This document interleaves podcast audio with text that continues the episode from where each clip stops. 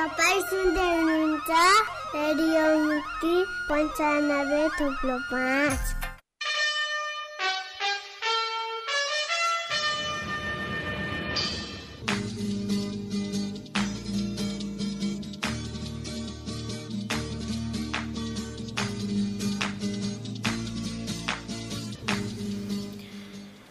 नमस्कार। कार्यक्रम समय सन्दर्भमा यहाँलाई हार्दिक स्वागत छ। कार्यक्रमसँगै उपस्थित भएका छौँ प्राविधिक साथी सीतासँगै म कल्पना तिवारी।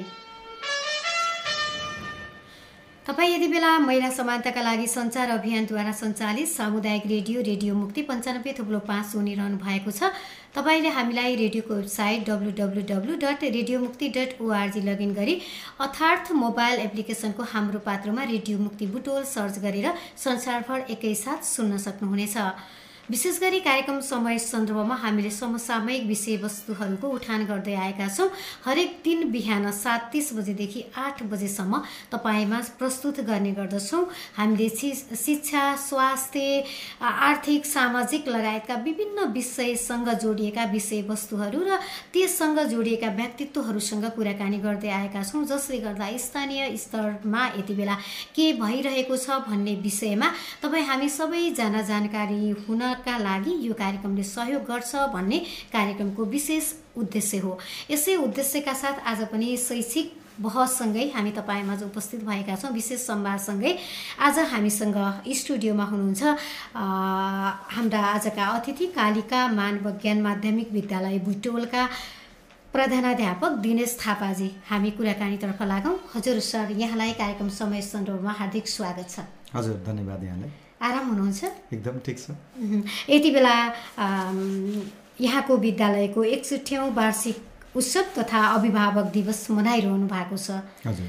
कस्तो छ? एकसठौँ वार्षिक उत्सव मनाइरहँदाखेरि त्यहाँको उत्सवको रौनक के छ? कसरी सञ्चालन गरिरहनु भएको छ अहिले? हजुर प्रश्नको लागि धन्यवाद यहाँलाई। वास्तवमा भन्ने भने कालिका मानवज्ञान माध्यमिक विद्यालयले आफ्नो परम्परालाई धानिरहेको छ भन्न चाहन्छु सबभन्दा पहिला।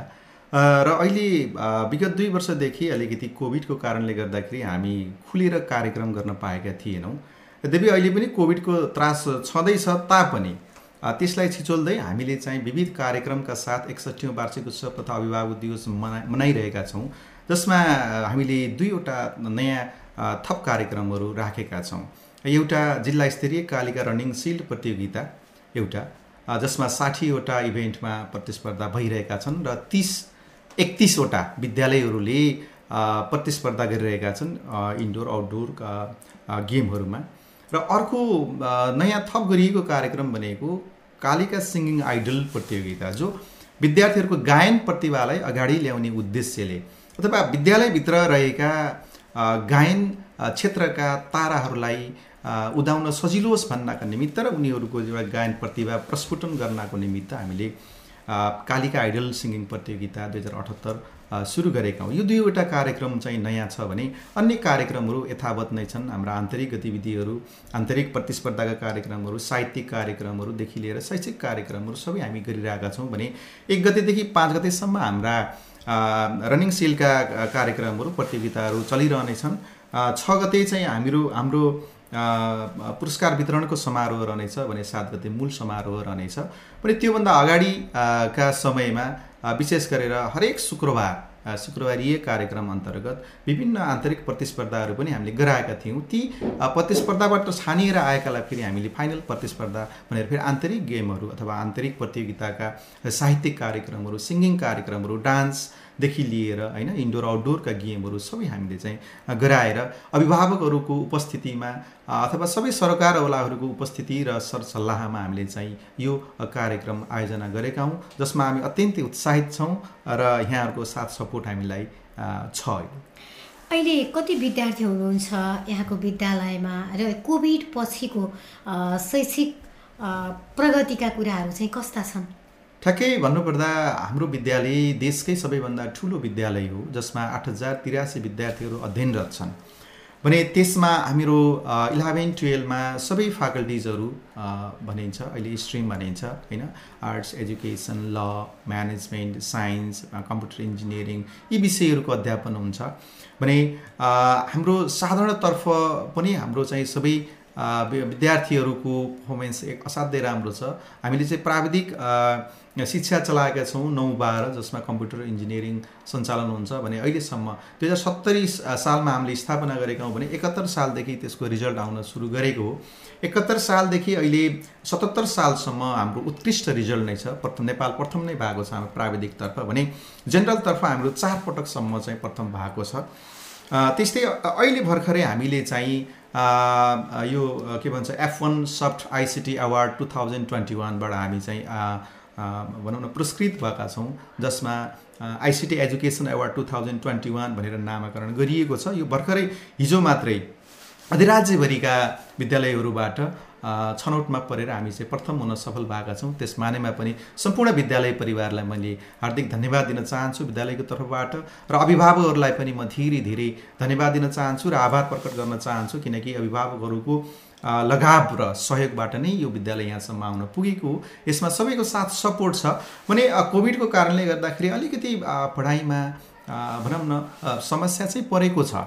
परेको हो किन भन्दाखेरि प्रत्यक्ष कक्षा कोठामा अध्यापन गरे जस्तो अथवा फिजिकल क्लास चलाएको जस्तो चाहिँ हुँदो रहेनछ भन्ने चाहिँ हामीको अनुभूति छ। त्यस कारणले हामीले फिजिकल क्लास चलिसकेपछि त हामीले आफ्नो खालको विविध विधिहरू प्रयोग गरेर भनौँ न विशेष गरेर व्यावहारिक सिकाइ गरेर अझै भन्ने हो भने आइसिटी बेसका क्लासहरूबाट चाहिँ हामीले अध्यापन गराइरहेका छौँ। र आशा छ यी खालका क्रियाकलापहरू विधिहरूबाट हाम्रा शिक्षक साथीहरूले असाध्यै मेहनत गर्नुभएको छ भने प्रतिफल पनि पक्कै राम्रो आउला। यद्यपि कोभिडलाई चाहिँ हामीले बिर्सनु हुँदैन त्यसका मापदण्डहरू हामीले पालना गरेका छौँ। तर पनि तर पनि विद्यालय यस्तो क्षेत्र हो जहाँ मापदण्ड भन्दा भन्दै पनि केही कुराहरूको चाहिँ कमी कमजोरी हुन्छ किन धेरै विद्यार्थीहरू हुनुहुन्छ। कक्षा कोठाभित्रको डिस्टेन्स हामीले चाहिँ भनौँ न भने जस्तो कायम गर्न सक्दैनौँ। तथापि हामी कहाँ दैनिक रूपमा हाम्रा स्वास्थ्य कर्मीहरू खटिनु भएको छ। हामी कहाँ दुईजना स्वास्थ्य कर्मी हुनुहुन्छ स्टाफहरू। र हाम्रो वडा स्वास्थ्य इकाइबाट पनि हामीलाई चाहिँ सहयोग मिलेको छ। जस्तै जनस्वास्थ्य इकाइबाट पनि हामीलाई सहयोग मिलेको छ। त्यस्तै बुटुल उपमहानगरपालिकाको जनस्वास्थ्य शाखाबाट पनि हामीलाई चाहिँ सपोर्ट मिलेको छ। त्यसबाट पनि हाम्रा विद्यार्थीहरूलाई हामीले निश्चिन्त बनाउन सकेका छौँ। जस्तो कोभिडको बेला व्यवस्थापन गर्नका लागि र अझै पनि हामी कोभिड पूर्ण रूपले पुरा भएको छ यसको निराकरण भएको छ भन्ने कुरामा चाहिँ हामी विश्वस्त छैनौँ र तेस्रो भेरिएन्ट पनि यति बेला भित्रिसकेको अवस्था छ विश्वका अन्य देशहरूमा र नेपालमा पनि यसको लक्षण देखिएको छ होइन? नेगेटिभ आए पनि। तर यो कोभिडले प्रविधि शिक्षालाई जोड्नका लागि सहयोग गर्यो भन्ने खालको एउटा तथ्याङ्क पनि आउँछ होइन। अहिले कोभिडको बेला पनि यहाँहरू देशैभरिका विद्यालयबाट उत्कृष्ट विद्यालयको रूपमा अवार्ड पाउनु भएको छ। धेरै धेरै बधाई छ यहाँलाई भने। यस्ता खालका विपदहरूलाई चाहिँ विशेष गरी विद्यालयमा व्यवस्थापन गर्न चाहिँ चुनौती अनि त्यसै ल्याउने अवसर विद्यालयको हकमा चाहिँ के हुँदो रहेछ के महसुस गर्नुभयो? हजुर धन्यवाद यहाँलाई। अत्यन्तै मार्मिक प्रश्न उठाउनु भएको छ। वास्तवमा भन्ने हो भने कोभिडको आक्रान्तले गर्दाखेरि हाम्रा अभिभावकहरू असाध्यै चिन्तित हुनुहुन्छ। वास्तवमा भन्ने हो भने स्वास्थ्य नै ठुलो कुरा हो। स्वास्थ्य रहन्छ भने मात्रै हामीले अन्य कुराहरूको चाहिँ योजना बनाउन सक्छौँ सोचाइ गर्न सक्छौँ। त्यसैले स्वास्थ्यभन्दा ठुलो कुराहरू हुँदैन। विद्यार्थी भाइ बहिनीहरूको स्वास्थ्यमा हामी सचेत हुँदाहुँदै पनि कता कति हामी चाहिँ चिप्लिएका हुन्छौँ। किनकि सरकारको व्यवस्था अनुसार अथवा उहाँको निर्देशन अनुसार कार्य गर्दा गर्दै पनि त्यो मापदण्डमा हामी पुग्न सक्दैनौँ। किन पुग्न सक्दैनौँ त भन्दा स्वास्थ्यका पूर्वाधारहरू हामीसँग यथेष्ट छैनन्। त्यो मात्रै नभएर जनचेतना हुँदाहुँदै पनि विद्यार्थीहरूलाई त्यो जानकारी हुँदाहुँदै पनि हामी त्यस्ता साधनहरू हामी प्रयोग गर्न सक्दैनौँ। ती साधनहरू हाम्रो पहुँचभन्दा अलिक टाढा छ। किन भन्दा सरकारी विद्यालय हो। यो अभिभावकबाट मात्रै हामीले भार ग्रहण हामी गराउन चाहँदैनौँ। यो सरकारले गर्नुपर्ने हो है। अब यो हामी कहाँ मात्रै नभएर नेपाल अधिराज्य नै भरि नै यो चाहिँ समस्या छ। वास्तवमा कोभिडले अलिकति भनौँ न समस्या पारे तापनि पारे तापनि एउटा आइसिटी प्रयोगको लागि चाहिँ पोजिटिभ प्रभाव पारेको हो। जसको कारणले गर्दाखेरि हामीले आइसिटी अवार्ड प- प्राप्त गर्न सफल भएका छौँ अहिले। यो मानेमा हामी के भन्न चाहन्छौँ भने कोभिडको आक्रान्तले गर्दाखेरि अहिले तेस्रो भेरिएन्ट आउँदाखेरि पनि हामी सजग त छौँ छौँ नै त्यसको बावजुद हामीले आइसिटी युक्त क्लासहरू चाहिँ गर्नुपर्छ त्यसलाई अझै परिमार्जित गर्नुपर्छ भनेर हामी लागेका छौँ जसका लागि हामीले छुट्टै खालको एप्लिकेसनहरूको युज गर्ने होइन स्कुल म्यानेजमेन्टलाई त्यसमा इन्भल्भ गराउने अभिभावकहरूलाई अलिकति सचेत गराउने त्यो खालको कार्यक्रमहरू चाहिँ गर्नुपर्छ त हामी गरिरहेका छौँ। तर यसका पोजिटिभ र नेगेटिभ पाटाहरू सबै छन्। नेगेटिभ पाटाहरू हुँदाहुँदै पनि हामीले पोजिटिभले यसलाई अगाडि बढाउनुपर्छ भनेर अगाडि बढाइएको हो। अहिले त फिजिकल क्लास नै छ। यद्यपि भोलि फेरि अब त्यस्तो भनौँ न सिचुएसन आइपऱ्यो भने होइन? लकडाउनको स्थिति आइपऱ्यो भने हामीले फेरि पूर्ण रूपमा चाहिँ आइसिटी क्लास हामी चलाउन सक्छौँ अनलाइन क्लासहरू चलाउन सक्छौँ। त्यो खालको पूर्वाधारको हामी विकास चाहिँ गरिसकेका छौँ।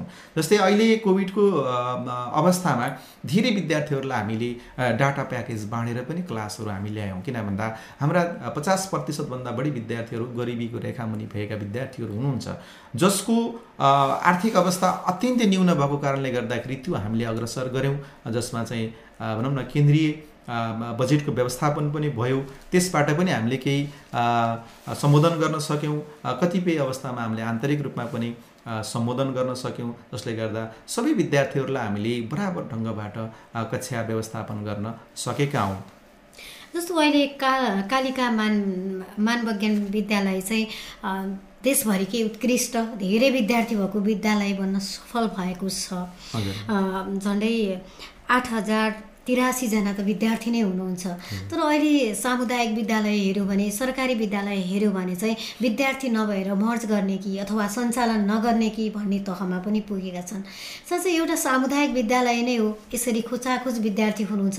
फेरि अर्को सामुदायिक विद्यालयमा त्यस्तो खालका मर्म मर्महरू पनि परिरहेका छन् चुनौतीहरू पनि खेपिरहेका छन्। भने साँच्चै व्यवस्थापकीय पाटोलाई कसरी लैजाँदा विद्यार्थी आउने वातावरण हुँदो रहेछ? त्यो विद्यालय चाहिँ विद्यार्थीले पढ्ने लायक हुँदो रहेछ। के छ लामो समयदेखि त्यही विद्यालयमा शिक्षण पेसामा रहिरहँदा यहाँको अनुभव व्यवस्था व्यवस्थापकीय पाटोलाई चाहिँ कसरी लान जरुरी छ अबका हाम्रा विद्यालयहरूमा? हजुर कस्तो लाग्छ भने मलाई विद्यालय सफल हुनुमा सबैभन्दा ठुलो भूमिका अभिभावकको हुन्छ। किनकि अभिभावकको सकारात्मक सोचाइ भयो भने मात्रै शिक्षकको सोचाइ पनि सकारात्मक हुन्छ। त्यसको एक्जाम्पल त्यसको उदाहरण भनेको कालिका मानव ज्ञान माध्यमिक विद्यालय नै हो। किन भन्दा यदि अभिभावकहरूले सकारात्मक सोचाइका साथ आफ्ना बालबालिकालाई हाम्रो विद्यालयमा नपठाइदिएको भए उहाँहरूले हामीलाई नपत्याइदिएको भए यो सम्भव हुने थिएन जस्तो लाग्छ नम्बर वान नम्बर दुई अभिभावकले पत्याउँदा पत्याउँदै पनि कतिपय भनौँ न शिक्षकहरूले अथवा कतिपय विद्यालयहरूले गर्न सकेनन् भन्ने आलोचना पनि हामीले चाहिँ खेपेका छौँ। जसको आलोचनाबाट हामी पनि अछुतो चाहिँ थिएनौँ पहिला होइन? किन भन्दा सुरुको अवस्थामा हाम्रो विद्यालय पनि त्यही अवस्थाबाट गुज्रिएको थियो। भने हामीले त्यसलाई के गर्यौँ त भन्दाखेरि अभिभावकको जो चाहना हो सकारात्मक सोचाइ र हामीलाई पत्याउनु भएको भूमिका हो त्यसलाई हामीले चाहिँ सकारात्मक ढङ्गबाट योजनाहरू बनायौँ। योजना कस्तो बनायो त भन्दा ठुलो योजना होइन। हामीले के हो त भन्दाखेरि विद्यार्थी कसरी खुसी हुन सक्छन् अभिभावकलाई कस्तो खालको शिक्षा चाहिएको र विद्यार्थीको भनौँ न रिजल्ट नतिजा कसरी चाहिँ राम्रो आउन सक्छ भन्ने कुरामा मात्रै हामीले चाहिँ योजना बनायौँ जसमा विभिन्न विषयगत समितिहरूलाई हामी चाहिँ जिम्मेवारी बनायौँ। उहाँहरूले पेस गर्ने हरेक प्रतिवेदनलाई हामीले सकारात्मक ढङ्गबाट सोच्यौँ। अभिभावकलाई पुरस्कृत गर्ने कुराहरू त्यस्तै शिक्षकलाई पुरस्कृत गर्ने कुराहरू त्यस्तै व्यवस्थापकीय पाटोमा सबैभन्दा ठुलो भूमिका हुन्छ विद्यालय व्यवस्थापन समिति। मैले अभिभावक भनेर अघि नै उद्घोष गरिसकेको छु। अभिभावक भनेको नै को त भन्दाखेरि विद्यालय व्यवस्थापन समिति हो। विद्यालय व्यवस्थापन समितिमा आउने सम्पूर्ण सदस्यहरू अभिभावकबाटै हुनुहुन्छ। त्यसैले विद्यालय व्यवस्थापन समितिको सकारात्मक सोच र प्रको योजनाहरूलाई प्रभावको योजनाहरूलाई संस्थागत ढङ्गबाट उहाँहरूले निर्णय गरिदिनु भयो अथवा उहाँहरूले अनुमोदन गरेर राम्रा कुरालाई अगाडि सार्ने प्रतिबद्धताका साथ सहयोग दिनुभयो भने पक्का पनि विद्यालय राम्रो हुन्छ भन्ने इक्जाम्पल चाहिँ हाम्रो विद्यालयले दिन सकेको छ। के किन भन्दा अभिभावकको लडाइँ व्यवस्थापन समितिको लडाइँ शिक्षकको लडाइँ भयो भने पक्का पनि ती विद्यार्थी साना भाइ बहिनीहरूको भविष्य अन्यल हुन्छ।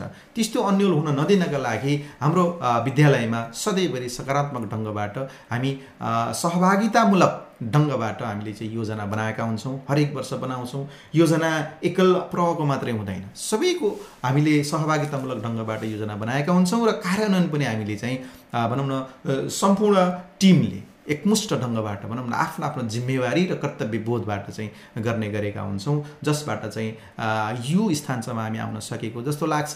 किन भन्दा सामुदायिक विद्यालयहरू अहिले धेरै राम्रा भएका छन्।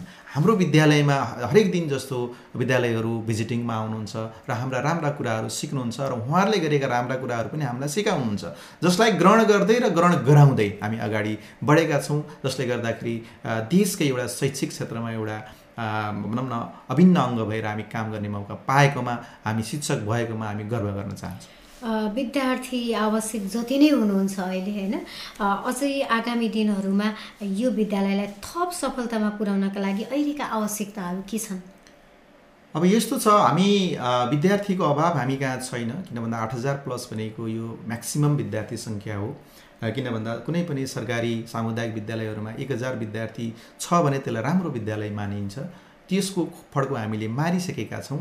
त्यसैले अब आगामी दिनमा हामीले गर्नुपर्ने के हो त भन्नुहुन्छ भन्दाखेरि मेरो विचारमा विद्यार्थी सस्टेन गर्ने र ती विद्यार्थीहरूलाई भएका विद्यार्थीहरूलाई गुण गुणस्तरीय शिक्षा प्रदान गर्ने। हुन त सबैले गुणस्तरीय शिक्षा भन्नुहुन्छ तर वास्तवमा गुणस्तरीय शिक्षा भनेको के हो त? यसमा बहस चलाउनु पर्ने जरुरी छ जस्तो मलाई लाग्छ। मेरो विचारमा मेरो व्यक्तिगत विचारमा गुणस्तरीय शिक्षा भनेको के हो त भन्नुहुन्छ भन्दा भोलि बिक्ने। भोलि बजारमा बिकाउने शिक्षा नै गुणस्तरीय शिक्षा हो। कुनै पनि एउटा विद्यार्थीले अथवा बालकले बालिकाले फोर जिपिए ल्याउँदैमा त गुणस्तरीय हुन्छ भन्ने मलाई लाग्दैन। किन भन्दाखेरि त्यसैमा वान पोइन्ट सिक्स जिपिए लिएको विद्यार्थी पनि गुणस्तरीय शिक्षा लिएको हुनसक्छ किन भन्दा उसले आफ्नो जीविकोपार्जन गर्न सक्छ आफ्नो ट्यालेन्ट हन्ट देखाउन सक्छ अथवा आफ्नो मनभित्र भएका कुराहरूलाई प्रस्फुटन गर्न सक्छ आदर गर्न सक्छ र सत्कार गर्न सक्छ र अनुशासित हुन सक्छ भने त्यो नै गुणस्तरीय शिक्षा हो जस्तो लाग्छ। भनेपछि अहिले यो जीवन उपयोगी शिक्षालाई चाहिँ तपाईँहरू जोडिरहनु भएको छ अथवा जोड्दै हुनुहुन्छ के छ? एकदम बेसरी हामी जीवन उपयोगी शिक्षा जसलाई हामी सफ्ट स्किल भनेर चाहिँ अप्लाई गरिरहेका छौँ। सफ्ट स्किलमा हामीले पनि राष्ट्रिय अवार्ड प्राप्त गरिसकेका छौँ। हाम्रा विद्यार्थीहरूलाई हामीले धेरै कार्यहरू आफै गर्नुपर्छ भन्ने हामी सिकाउँछौँ। जस्तै कम्प्युटरको कुरामा पनि हामीले आफै गर्नुपर्छ भनेर सिकाउँछौँ। अन्य गतिविधिहरूमा अन्य भनौँ न विषयहरूमा पनि हामीले भनौँ न विद्यार्थीहरूलाई नै तपाईँहरूले नै गर्नुपर्छ। होइन? यो शिक्षकले गरिदिएर हुन्न शिक्षकले गर्यो भने शिक्षकलाई हुन्छ तपाईँहरूले गर्नुभयो भने तपाईँलाई हुन्छ भन्ने तरिकाको शिक्षाको हामीले चाहिँ व्यवस्थापन गर्न सकेका छौँ। त्यो शिक्षाको व्यावहारिकता हामीले चाहिँ विद्यार्थीहरूलाई दिन सकेका छौँ। जसको फलस्वरूप आज हामी सफल छौँ जस्तो लाग्छ। त्यसैले व्यावहारिक शिक्षा अथवा भोलि गएर बजारमा बिक्री हुने शिक्षा सोझो भाषामा भन्ने हो भने जीविकोपार्जन गर्न सक्ने शिक्षा नै गुणस्तरीय शिक्षा हो। किनकि आजको समयमा नेपालको सन्दर्भमा कुरा गर्ने हो भने सिक्सटी पर्सेन्टभन्दा बढी नेपालका जनताहरू गरिबीको रेखामुनि पर्नुहुन्छ होइन? त्यस्तै थर्टी पर्सेन्ट जति मध्यम पर्नुहुन्छ मात्रै दस प्रतिशत मात्रै धनी वर्गमा पर्नुहुन्छ। त्यस कारणले नेपालको सन्दर्भमा भन्ने हो भने सबै विद्यार्थीले आफ्नो शिक्षा हासिल गरिसकेपछि बेसिकल्ली स्कुल लिभिङ सर्टिफिकेट प्राप्त गरिसकेपछि उहाँहरूले आफ्नो जीविकोपार्जन गर्ने शिक्षा दिनुपर्छ भन्ने हो। अहिले तत्काल हेर्दाखेरि कस्तो देखिन्छ भने हरेक विद्यार्थीहरू प्लस टूको परीक्षापछि विदेश जाने प्रवृत्तिहरू हामी देख्छौँ। जो के हो त भन्नुहुन्छ भन्दाखेरि त्यो नेपालमा आफूले गरेको कामको भनौँ न इन्क्यास हुन नसकेको एउटा यो परिणाम अब त्यसमा किन भएन भन्ने बस चलाउँदाखेरि अझै अर्को कार्यक्रममा जानु पर्ला त्यतातिर नलागौँ। यद्यपि हामीले गर्नुपर्ने के हो त भन्नुहुन्छ भन्दाखेरि भोलि एटलिस्ट बाह्र कक्षा पास गरिसकेपछि पनि एकजना बच्चाले आफ्नो जीविकोपार्जन गर्नको लागि बाहिर जान नपरोस्। कुनै न कुनै काम उसले गर्न सकोस्। जागिरै खान मात्रै नभएर आफूले आफ्नो सानो उद्यमबाट लघु उद्यमबाट चाहिँ काम गर्न सकोस्। त्यस्तो खालको शिक्षालाई गुणस्तरीय शिक्षा भनिन्छ र त्यो शिक्षालाई अगाडि बढाउनको लागि हामी कम्मर कसेका छौँ। यो एकैचोटि परिवर्तन चाहिँ हुँदैन। आज म बोल्दैमा भोलि परिवर्तन हुँदैन। यसले समय लिन्छ। त्यो समयमा अभिभावकले साथ दिनुपर्छ शिक्षाविदहरूले साथ दिनुपर्छ शिक्षा सरकारवालाले साथ दिनुपर्छ तपाईँहरू जस्ता पत्रकारहरूले चाहिँ साथ दिनुपर्ने हुन्छ। मैले यहीँनिर कुरा काटेँ। मैले उपयोगी जीवन उपयोगी शिक्षा त दिँदै हुनुहुन्छ तर सरकारवालाको सहकारी र भूमिका यहाँनिर कस्तो के छ र कसरी अगाडि बढाइरहनु भएको छ यो कुरालाई नै यसलाई मैले आफैले पनि जोड्दै थिएँ। सरकारवालाको भूमिका भनेकै के हो त भन्नुहुन्छ भन्दाखेरि ग्रहण गर्दैन। जस्तै अझै पनि अभिभावकहरू कस्तो हुनुहुन्छ भने मेरो बाबुको मेरो नानुको फोर जिपिए किन आएन? मेरो नानुको थ्री पोइन्ट नाइन जिपिए किन आएन? अर्को स्कुलमा पढ्दाखेरि त नाइन्टी पर्सेन्ट लिएर आउँथ्यो। तपाईँको स्कुलमा किन सेभेन्टी पर्सेन्ट आयो? किन सिक्सटी पर्सेन्ट आयो? अथवा किन फेल भयो भन्ने जस्ता प्रश्नहरू गर्नुहुन्छ। त्यस कारणले उहाँहरूलाई मैले अहिले उद्घोष गर्न चाहन्छु त्यो बिल्कुल गलत हो। किन भन्दा एउटा विद्यार्थीले यति अङ्क लिएर राम्रो गऱ्यो भन्नुभन्दा पनि यो कार्य गरेर राम्रो गरौँ भन्नु राम्रो त्यसैलाई हामीले गुणस्तरीय शिक्षा अथवा व्यावहारिक शिक्षा भनेर भन्नुपर्छ। किन भन्दा भोलि बजारमा बिग्दैन कुनै पनि व्यक्ति आफूले मेरो नाम यो हो भनेर भन्न सक्दैन यो नामबाट म चिनिन्छु भन्न सक्दैन भने त्यसलाई हामीले गुणस्तरीय शिक्षा भन्न सकिँदैन। त्यसैले त्यस्तो कोरा शिक्षालाई हामीले बिस्तारै परिवर्तन गर्नुपर्छ। त्यस कारणले ती परिवर्तनमा सरकारवाला शिक्षाविदहरू को अति नै जरुरी छ। उहाँहरूले त्यो खालको पोलिसी ल्याइदिनुपर्छ। त्यो खालको कार्य गरेको विद्यालयलाई पुरस्कृत गरिनुपर्छ। अझै भन्ने हो भने त्यो खालको पूर्वाधारको विकास गरिदिनुपर्छ। किनकि कुनै पनि विद्यालयलाई गुणस्तरीय शिक्षा गर भनेर हुँदैन। यसरी गर्नुहोस् तपाईँहरू। यो खालको पूर्वाधार हुनुपर्छ। यो गर्नुहोस्। यसमा हामीले यो खालको सपोर्ट गर्नुपर्छ। गर्छौँ। यो तरिकाबाट जानुभयो भने तपाईँहरू सफल हुनुहुन्छ भन्ने खालका विचारहरू अभिव्यक्त गरिदिनुपर्छ। त्यसलाई नीति निर्धारण गरिदिनुपर्छ। अनि मात्रै विद्यालयले राम्रो गर्न सक्छ। किन भन्दा कुनै पनि विद्यालयको शिक्षकले मैले विद्यालय बिगार्छु भन्दैन। कुनै पनि अभिभावकले मेरो बच्चा बिग्रियोस् भन्ने चाहना राख्दैन। त्यस कारणले हरेक भनौँ न अभिभावकको शिक्षक किन एउटा शिक्षक शिक्षक पनि अभिभावक हो उसको पनि बालबच्चा छ उसको पनि बच्चाले विद्यालयमा पढ्छ। त्यस कारणले यो खालको सोचाइलाई अलिकति परिवर्तन गरेर अगाडि लाने हो भने यो शैक्षिक जगतमा एक स्टेप अगाडि बढ्न सकिन्छ जस्तो मलाई लाग्छ मेरो यो दाबी हो। अहिले त सञ्चार माध्यममा समाचारहरू आउँदाखेरि कुनै अब प्लस टूको रिजल्ट आउँछ। जब जब के अरे नतिजा प्रकाशन भइसकेपछि चाहिँ फलानु विद्यालयमा चाहिँ यति प्रतिशत ल्याएका यति विद्यार्थी भन्ने आखिर नम्बरिङमै गएर त हामी जोडिएका छौँ। यसलाई परिमार्जित गर्न चाहिँ के गर्नु पर्ला त यहाँ चाहिँ एउटा विद्यालयको प्रधानाध्यापक त्यो पनि एउटा बुटोल होइन देशकै नमुना विद्यालयको एउटा प्रधानाध्यापक व्यवस्थापक हुनुहुन्छ। साँच्चै नै कसरी हामीले यसलाई परिमार्जित गर्न सक्छौँ? नम्बरिङ होइन नम्बरको हिसाबले होइन जीवन उपयोगी शिक्षा चाहिँ हामी जोड्न सक्छौँ भन्ने विषयलाई अब कसरी जानु पर्ला त? अन्त्यमा। हजुर अब यो सान्दर्भिक प्रश्न नै हो तपाईँको अर्को। मैले भर्खरै एउटा प्रसङ्ग कोट्याउन चाहन्छु होइन? समय कति छ। भर्खरै हाम्रो अभिभावक एकजना आउनुभएको थियो। उहाँले के भन्नुभयो भने हाम्रो हाम्रो बच्चाले मेरो बच्चाले टप हुनु पर्थ्यो कालिकाबाट चाहिँ टप हुनु पर्थ्यो भएन। त्यस कारणले कालिकाप्रति म चाहिँ अलिकति एग्रेसिभ छु अथवा कालिकाप्रति म सन्तुष्ट छैन। मैले सोचे अनुसारको प्रतिफल दिन सकेन कालिकाले भन्नुभयो। मैले तपाईँहरूको बा बाबु नानीको सर्टिफिकेट देखाउनुहोस् त भन्दाखेरि एभरेज थियो नराम्रो थिएन। अनि मैले भने बाबु नानीहरू एभरेज नै हुन् ठिकै छ भन्दाखेरि उहाँले के भन्नुभयो भने अन्य विद्यालयहरूमा त आफै लेखाए सिकाइदिए होम सेन्टर थियो कति राम्रो परीक्षा प्रणाली थियो तपाईँहरूको मात्रै टाइट भयो। टाइट गर्नु भएन परीक्षा भन्ने खालको कुराकानी गर्नुभयो। त्यस कारणले अब यस्तो खालको मानसपटल चाहिँ हाम्रो अभिभावकहरूसँग छ। किन उहाँ एकदमै शिक्षित अभिभावक हो अथवा भनौँ न कतै शिक्षण संस्थामा अध्यापन गराउने प्रोफेसर नै हो उहाँ। उहाँ त्यस्तो खालको चाहिँ प्रश्न गर्नुभयो उहाँले अभिव्यक्ति दिनुभयो। त्यसबाट के खालको भनौँ न झलक आउँछ त भन्दाखेरि हाम्रा शिक्षित अभिभावकहरूको पनि गुनासो त्यो छ। अङ्क बढी आओस् भन्ने। त्यस कारणले त्यो अङ्क किन बढी आएन परीक्षा प्रणाली बोर्डमा लेखिदिएर एउटा शिक्षकले बोर्डमा लेखिदिएर आन्सर लेखेर अङ्क आउनुभन्दा आफ्नो क्षमताले अङ्क आएको राम्रो भन्ने खालको जबसम्म मानसपटलमा बस्दैन अभिभावक हो तबसम्म हामीले यो कार्यमा अगाडि बढ्न सक्दैनौँ। त्यस कारणले मैले यही कार्यक्रम मार्फत सम्पूर्ण अभिभावकहरूलाई यो उद्घोष गर्न चाहन्छु कि आफ्ना बच्चाहरू कुन लेभलमा हुनुहुन्छ हामीले बच्चालाई कस्तो खालको शिक्षा दिँदैछौँ कस्तो खालको संस्कार सिकाउँदैछौँ हाम्रो परम्परा के हो र अबको भविष्यमा अबको दस वर्षपछि हाम्रा बच्चा कस्तो ठाउँमा जाने? र हामी कस्तो थियौँ? हाम्रो धरातल के थियो? भन्ने कुरा बच्चालाई बुझाउँ। बच्चालाई शिक्षित बनाऊँ र त्यही खालको परम्परालाई विद्यालयमा घुसाउँ अनि मात्रै व्यावहारिक शिक्षा हुन्छ गुणस्तरीय शिक्षा हुन्छ त्यो अवस्थामा कुनै पनि शिक्षकले पढाउन पनि पर्दैन कुनै पनि अभिभावकले आफ्नो नानी बाबुलाई पढ भन्नु पनि पर्दैन। यो पढ र पढाउने भन्ने शब्द नै अलिकति असान्दर्भिक जस्तो लाग्छ मलाई मलाई किन भन्दा शिक्षक भनेको सहजकर्ता हो सहजीकरण गर्ने हो। शिक्षकले पढाउने होइन शिक्षकले सिकाउने हो। आफूसँग भएको ज्ञानलाई भनौँ न एक अर्कामा साटासाट गर्ने हो अथवा ट्रान्सफर फर गर्ने हो। त्यस कारणले ती अभिभावकहरूलाई म पुनः दोहोऱ्याउन चाहन्छु कृपया तपाईँहरूको बुझाइलाई सकारात्मक बनाउनुहोस् र नयाँ सोचबाट ल्याउनुहोस्। किन भन्दा दस वर्ष अगाडिको शिक्षा र अहिलेको शिक्षा एउटै छैन भने अबको दस वर्षपछिको शिक्षा एउटा एउटै हुँदैन आजको जस्तो हुँदैन। आजको बच्चा भनेको दस वर्षपछिको प्रतिफल हो त्यस कारणले त्यसलाई त्यही किसिमको मलजल गर्नुपर्छ। त्यो मलजल भनेको सोचाइ हो त्यो सोचाइ भनेको घरबाट आउनुपर्छ विद्यालयबाट होइन। घरबाट नै त्यो सोचाइ र संस्कार सिकाइयो भने मात्रै विद्यालयले भनौँ न जस्तो सोचेको त्यस्तै बनाउन सक्छ भनिन्छ नि एउटा कुमालेले काँचो माटोलाई जस्तो पनि आकार दिन सक्छ भनेर भनिन्छ नि त्यस कारणले विद्यार्थी बच्चा भनेको एउटा काँचो माटो। त्यो काँचो माटोलाई बनाउनको लागि कुमालेले मात्रै सक्दैन माटो खन्नेले पनि गराउनुपर्छ माटो खन्ने भनेको अभिभावक हो शिक्षक भनेको कुमाले हो त्यस कारणले यी दुवैको संयोजनबाट चाहिँ पक्का पनि हाम्रा विद्यार्थीहरूको मनोकाङ्क्षा बुझेर अभिभावकलाई सन्तुष्ट बनाउन सकिन्छ र गुणस्तरीय व्यावहारिक शिक्षा दिन सकिन्छ भन्ने मेरो धारणा हो। हामी कार्यक्रमको अन्त्यमा आएका छौँ। यति बेला धेरै कुराकानी गऱ्यौँ हामीले। आगामी दिनहरूमा पनि यहाँको व्यवस्थापकीय पाटो र कालिका मानवज्ञान माध्यमिक विद्यालयका धेरै कुराहरू हामी चाहिँ दिँदै जानेछौँ श्रोताहरूलाई जुन अरू विद्यालय अभिभावक र विद्यार्थीहरूले बुझ्ने सुन्ने र सिक्ने मौका पाउनुहुनेछ भन्दै अन्त्यमा यहाँका केही कुरा छन् भने श्रोताहरूलाई भन्न सक्नुहुन्छ। हस् धन्यवाद।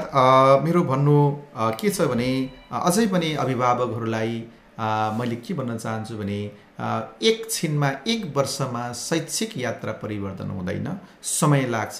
त्यो समय भनेको घरबाट नै सुरुवात हुन्छ। जो तपाईँहरूले नर्सरीमा तिन वर्षको बच्चा लिएर दिनुहुन्छ भने त्यो टेन क्लाससम्म पुग्दाखेरि दस एघार वर्ष लाग्ने हुनाले यो हामी अभियानमा अहिलेबाट सुरु गरौँ आजैबाट सुरु गरौँ र केही परिवर्तन देखिन्छ र त्यो परिवर्तनलाई सकारात्मक रूपमा अगाडि बढायो भने देशकै प्रतिष्ठा हामीले चाहिँ जोगाउन सक्छौँ र शैक्षिक यात्रामा एक फड्को फेरि अगाडि बढाउन सक्छौँ। त्यसैले त्यो खालको सकारात्मक सोचाइ यहाँ समक्ष होस्। भन्दै अन्तमा अहिले एकसट्ठौँ वार्षिक उत्सव तथा अभिभावक दिवस हामी मनाउन गइरहेका छौँ। सात गते हाम्रो मूल समारोह हुनेछ भने त्यो मूल समारोहमा यही कार्यक्रम मार्फत सम्पूर्ण अभिभावकहरूलाई निमन्त्रणा पनि गर्न चाहन्छु। हस् धन्यवाद। सफल विद्यालयको सफल प्रधानाध्यापक हामीलाई समय दिनुभयो। यहाँलाई धेरै धेरै धन्यवाद म लगायत रेडियो मुक्तिको तर्फबाट। हस् यहाँलाई पनि धन्यवाद। हामीसँग कुराकानी सँगै हुनुहुन्थ्यो। कालिका मानवज्ञान माध्यमिक विद्यालय भुटोलका प्रधानाध्यापक दिनेश थापाजी उहाँसँगको कुराकानीसँगै हामी कार्यक्रमको अन्त्यमा आएका छौँ। पक्कै पनि यति बेला समयको परिवर्तन र प्रविधिको विकाससँगै तपाईँ हाम्रो सोच सकारात्मक सोचतर्फ परिवर्तन गर्न जरुरी छ। तपाईँ हामी सबैजना सहकार्य समन्वय गर्न सक्यौँ भने र जीवन उपयोगी शिक्षा हाम्रा बालबालिकालाई दिन सक्यौँ भने अवश्य देश र हाम्रो समाज र बालबालिकाले भविष्यमा निकै कोल्टो फेर्नेछन्। यिनै कुराकानीसँगै हामी भने अब कार्यक्रमको अन्त्यमा आएका छौँ। यतिन्जेलसम्म रेडियो नजिक रहेर कार्यक्रम समय सन्दर्भ सुनेर हामीलाई साथ दिनुभयो।